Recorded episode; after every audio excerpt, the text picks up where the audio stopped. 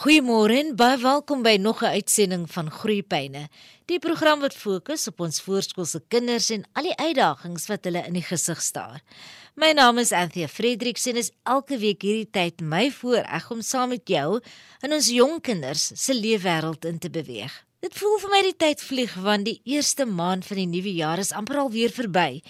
Die meeste ouers is terug by die werk, ons kleintjies is terug by die dagsorgmoeder of dagsorgsentrum of dalk as hulle grootskool toe in graad R of graad 1.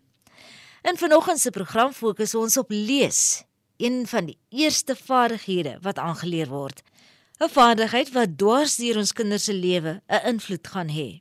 Ons weet vele navorsing het gewys dat Suid-Afrikaanse kinders maar sukkel met lees en swak vergelyk met heelwat ander lande. En kenners maan dat 'n swak leser heel dikwels 'n sukkelende leier kan word. Ek het weer gaan kers opsteek by Hannetjie Verwoerd, 'n spraak- en taalterapeut wat veral fokus op die invloed van taalontwikkeling op geletterdheidswerwing. Sy is ook passievol oor lees. Ja, ek dink dit is baie belangrik om te weet dat in die brein, jy moet 'n kind se brein kans gee om ryp te word vir die verwerwing van 'n sekere vaardigheid. Ek dink daar's niks so sleg om as om 'n kind op 'n te vroeë ouderdom formeel te wil leer lees as hy nog nie daarvoor reg is nie. So as ouer is daar 'n hele paar goed waarna jy kan kyk en en wat jy jou eerder mee besig kan hou voordat jy begin om met die meer akademiese aspekte van van lees besig te raak en dan dink ek verwys ek nou spesifiek na letters.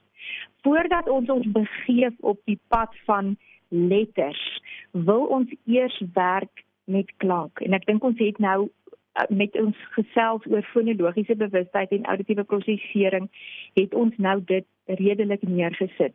So daar's baie baie dinge wat 'n ouer kan doen om seker te maak dat die dag as jou kind in skool instap of die dag as jy hom by die tafel neersit en sê mamma gaan jou nou leer lees, dat jy die voorbereiding reg gedoen het en dat dit soort van 'n maklike transisie is. So dit is nie die arme kind heeltemal laat voel ek is in die diep kant ingegooi of ek klim hier 'n berg en ek het nie die regte toesting in my rugsak nie. Ek dink een van die heel heel belangrikste goed wat 'n uh, ouer moet doen en wat jy kan heel van die begin af teen dag 0 en waarmee jy aanhou totdat die kind nou dit akademies fyn is, is jy moet baie aandag skenk aan rympies en liedjies. Rympies en liedjies het die vermoë om die brein super in te stel op klank. Want in enige goeie kinderrympie het jy hierdie herhalende klankpatrone. Jy het 'n rym en goeie digters werk altyd met alliterasie en daar is 'n sonderlinge ritme aan 'n rympie wat jy nou nie in 'n gewone storieboek gaan kry of wanneer jy vir jou kind self net 'n storie vertel nie, dan het jy nie daai ritme soos wat jy in 'n rympie het nie. Reg, so kom ons dink nou ek wil 'n voorbeeld gee. Kom ons vat nou hierdie ene. Griet en Pieter met 'n watergieter klim die berg uit op 'n draf. So jy kan dit in jou lyf voel, die ritme van die taal daar. En dit aksentueer vir die brein die klankpatrone.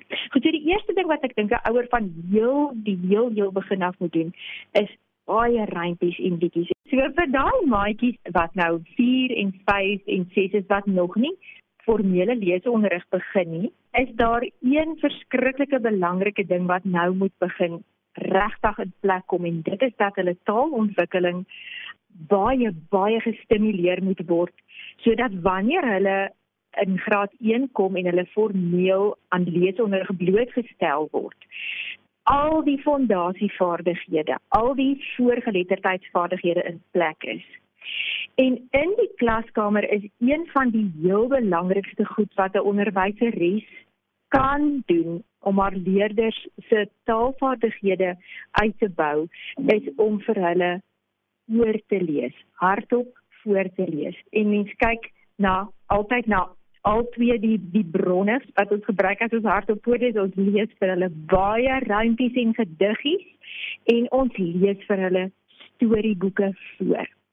As ons wil hê kinders moet suksesvol self leer lees en ook self later van tyd self mooi hardop voor kan lees, dan moet hulle dit deur hulle ore inneem. Hulle moet die voorbeeld as ware leer ken van om dit te geniet, om 'n storieboek saam met 'n groot mens te geniet.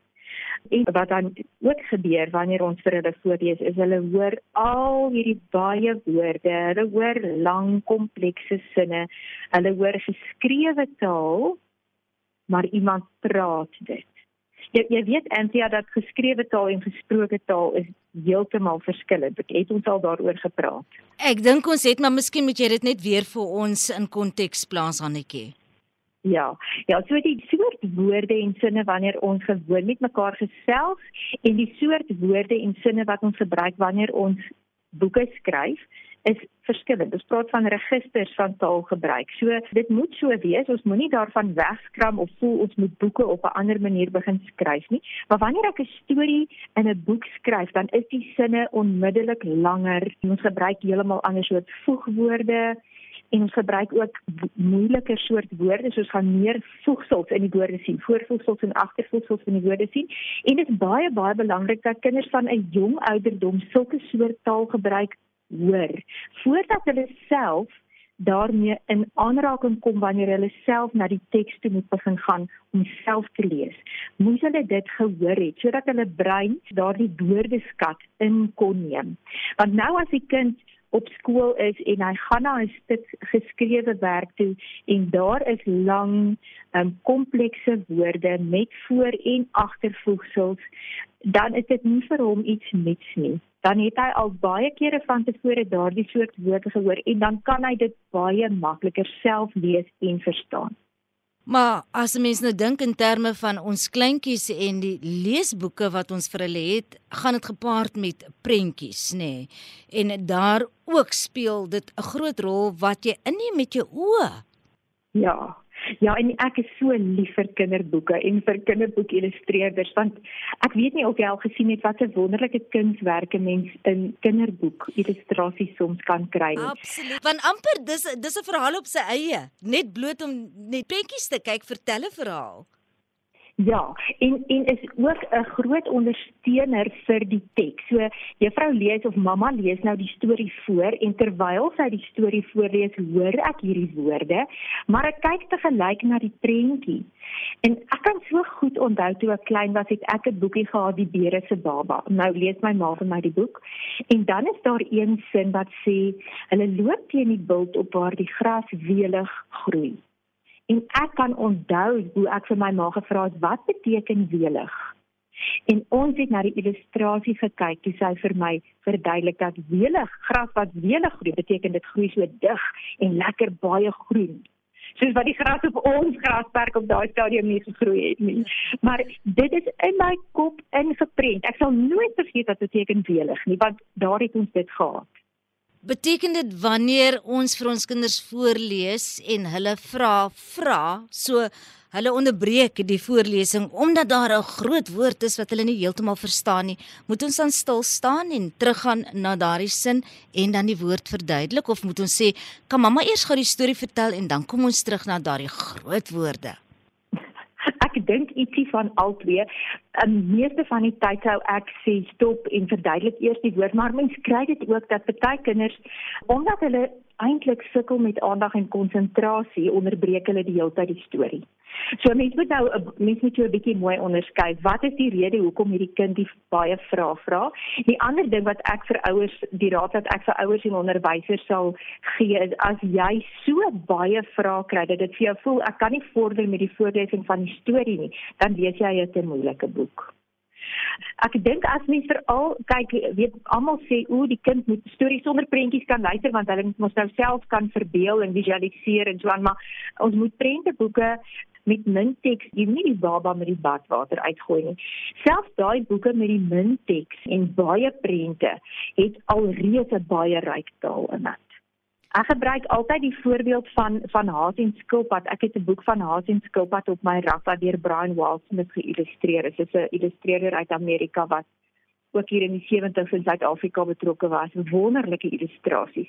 En dalk min iets op elke bladsy. Vertel nou maar die eenvoudige storie van Haas en Skilpad, maar daar is 'n sin byvoorbeeld wat 23 woorde lank is. Dit geen kind skryf is 23 woorde lank sin in graad 1 nie, maar op 4 kan hy al daai sin hoor en verstaan en inneem. Op 'n stadium moet hulle bietjie vir ons ook voorlees. Ja, definitief ek sou sê op, op verskillende vlakke. Wat jy nou kan doen met daai heel klein maatjie. As jy lees met hom 'n boekie wat 'n herhalende storielyn het. Ek hou so baie van 'n boekie soos Waar's Otto van Eric Hill. So Otto se mamma soek hom en op elke bladsy lig ons 'n flappie op, maar dan is dit nie Otto nie, dis 'n leeu wat onder die trap sit. Of op die volgende bladsy is dit 'n seekoei wat in die klavier is, maar dit is net nêrens skryf vir Otto nêrens nie. So uh, mens lees die boekie vir die kind en dan op 'n stadium dan gee jy die boekie vir die kind in sy hand en sê lees jy vir mamma. O, en hulle geniet dit verskriklik baie want dit is nou natuurlik net speel speel lees hy vat die boekie en hy lees vir jou die storie, lees in aanhalingstekens. So van kleins af wil jy by hom daai idee begin skep dat 'n boek het 'n boodskap wat oorgedra word. En en dit is ook hoekom ouers nie hoef jammer of of sleg te voel daaroor om dieselfde storie oor en oor te lees en elke keer die storie dieselfde te hou nie. Jy hoef nie die storie aan te pas of te verander nie. Hy kan maar elke keer dieselfde wees want dan sien jou kind elke keer as hy hierdie snaakse swart mure oor die bladsy sien loop wat nou die letters is, dan sê my ma dieselfde goed en dan blaai ons om en dan staan 'n prentjie en dan sê sy weer dieselfde woorde en so kom hy agter dat die teks die betekenis dra. Maar goed, jy het nou gesê die kind moet vir ons lees. Ek het myself nou 'n bietjie hier in die rede geval. Goed, so ja, van kleins af gee die boekie af en toe in die kind se hand en sê vir hom lees jy vir mamma. Al kan hy nog nie regtig lees nie. So gesels spraak en taalterapeut Hannetjie Verwoerd. Jy luister na Groepyne en indien jy nou eers by ons aangesluit het, ons fokus op lees en die rol wat ouers en onderwysers kan speel om ons jong span se leesvaardighede te slyp. Indien jy nou eers by ons aangesluit het en die eerste deel van ons gesprek misgeloop het, onthou, dit sal ook as potgooi op ons webwerf rsg.co.za beskikbaar wees. Annetjie as 'n mens nou praat oor boeke voorlees aan kinders, dis enorm nê. Dis wat ons graag wil hê, maar daar's ook vele ander maniere waarop kinders ons kleintjies se storie kan inneem. Want selfs op radio het ons stories wat vir kinders voorgeles word. Hoe help dit die kind as daar verskillende maniere is om 'n storie aan hulle voor te dra? Ja, ek dink dit is nogals belangrik hoe meer verskillende maniere daar uit hoe beter. So byvoorbeeld, eers net met boeke, jy weet as jy dink juffrou in die klas, nou is dit um, een groot mens met 20 kindertjies en hulle moet leer om die storie te deel en hulle moet leer om die prentjie miskien bietjie van verder af te kyk, dan is daar op mamma of op ouma se skoot by die huis met 'n boek. Waar dit naby is en ek geleentheid het om meer vrae te vra. Maar soos wat jy sê, ek kan myself onthou, ek het plate geluister by die huis, liewe eksie plate en daardie stories wat mense in die kar vir hulle kan opsit op 'n CD of wat jy met wifi koppel om of 'n podcast luister of die die se vervolgstorie. Dit het 'n heeltemal ander um, aspek wat nou na vore kom want nou luister die kind heeltemal sonder prentjies.